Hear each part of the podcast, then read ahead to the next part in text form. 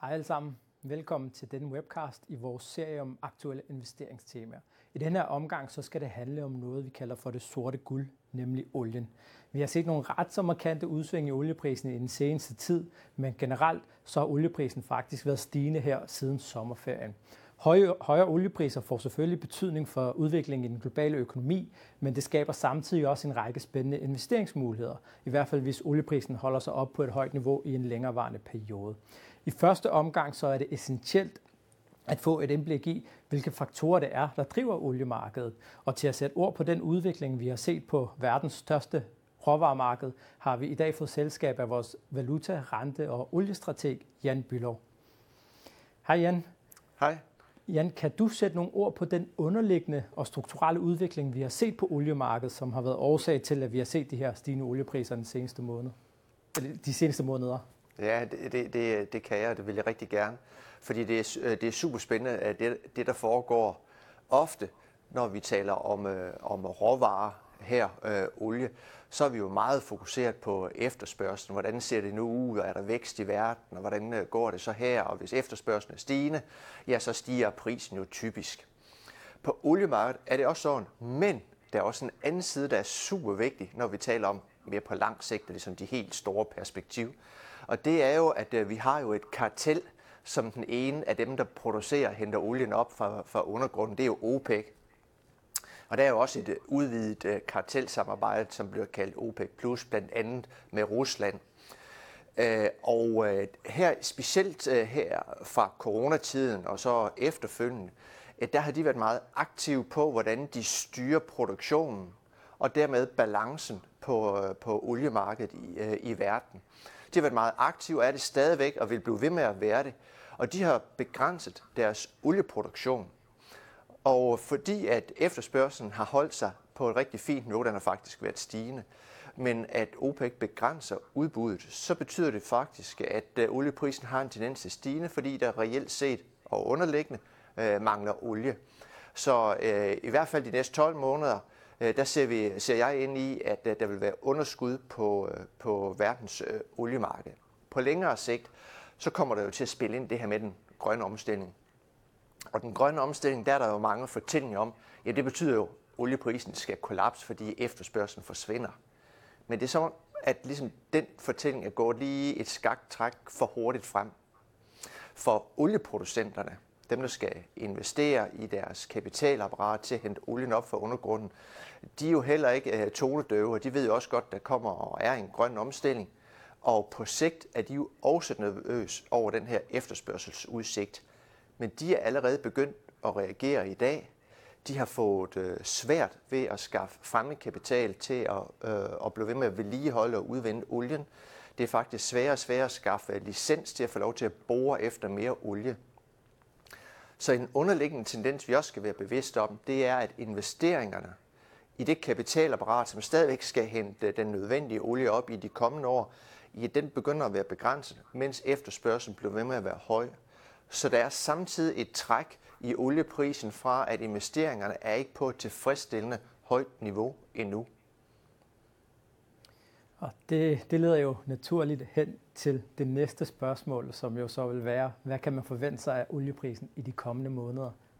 Ja, hvis vi, hvis, kan vi sige, hvis vi kun uh, taler om de uh, kommende skal vi sige, øh, 12 måneder, ja, så er den underliggende tendens det er stigende. Min prognose det er minimum 100 dollar, når vi kigger ind i 2024, igen drevet af, at, at OPEC som kartel er meget aktiv i at styre øh, olieproduktionen, så prisen ikke øh, kan man sige, nærmest falder, men bliver ved med at være på et højt niveau, og et højt niveau, det vil jeg, det vil jeg karakterisere som, det er over 80 dollar, men underskuddet, der er udsigt til, som jeg ser det, det vil så uh, se en stigende uh, oliepris mod øh, uh, 100.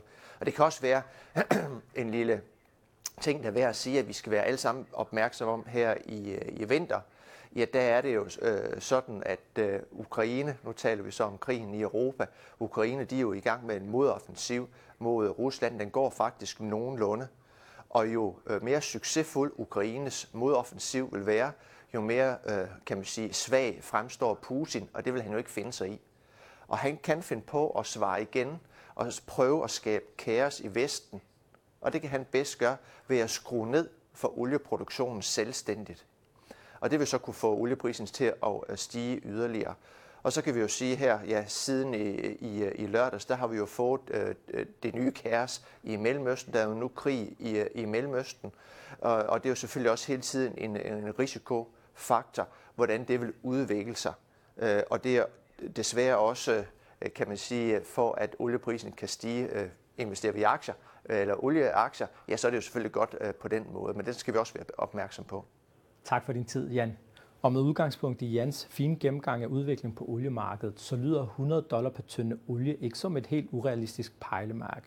Hvorom alt er, så er forventningen, at oliepriserne skal højere op fra nuværende niveauer. Og derfor kan man som investor med fordel tage et kig på eksempler på aktier, som kan være med til at øge ens eksponering mod de stigende oliepriser. I første omgang så vil vi foretrække at tage et kig på selskaber, der har en solid position på markedet. Det kunne være selskaber som Repsol, Chevron Corporation, Exxon eller Shell. Derudover så kan man med fordel kigge på selskaber, der har nogle attraktive kvantitative egenskaber, da det alt andet lige er med til at øge sandsynligheden for, at man kan få skabt sig et mere afkast. Og her der anvender vi vores kvantitative model, Jyske Kvant, hvor vi som altid tager et kig på de tre faktorer, værdiansættelsen, kvaliteten og stemning omkring aktien, også kaldet momentum. Vi har valgt at tage et nærmere kig på norske Equinor. Equinor har en solid position på markedet og har samtidig også nogle attraktive kvantitative egenskaber. Equinor de sælger blandt andet råolie, men de leverer også naturgas til det europæiske marked. Samtidig så ser vi rent faktisk, at Equinor nu er begyndt at investere ganske massivt i den grønne omstilling.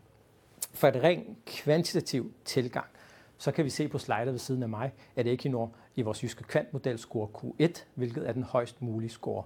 Hvis vi dykker ned i øh, faktorerne, som jeg omtalte før, så kan vi se, at det især er på value-dimensionen og på kvalitetsdimensionen, at Equinor den scorer højst.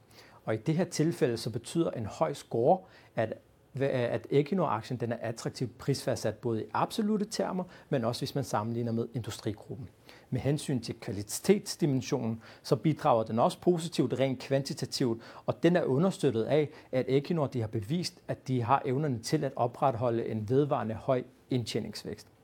Viser det sig, som vi også forventer, at oliepriserne kommer op på et højere niveau, så må man formode, at Equinor også i de kommende måneder vil være i stand til at generere den her høje indtjeningsvækst. Til gengæld kan vi så se, at aktien ikke scorer, scorer sønderligt prængende på momentumdimensionen.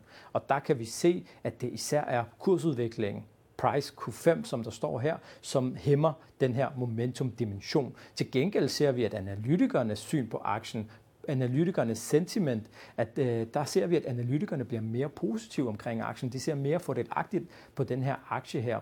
Og vi har set i den seneste måned, at analytikerne har foretaget flere positive estimatjusteringer, hvilket sandsynligvis hænger sammen med, at vi har set de her stigende oliepriser i de seneste måneder. Norske Equinor er altså et oplagt bud på et attraktivt selskab for en ren kvantitativ tilgang, hvis man ønsker at øge sin eksponering mod de stigende oliepriser. Hvis du ønsker at se eksempler på flere aktier til din portefølje, så kan du med fordel tage et klik på det link, som følger med i den her video. Det var alt for denne omgang. Tak for din tid. Ha' en god dag.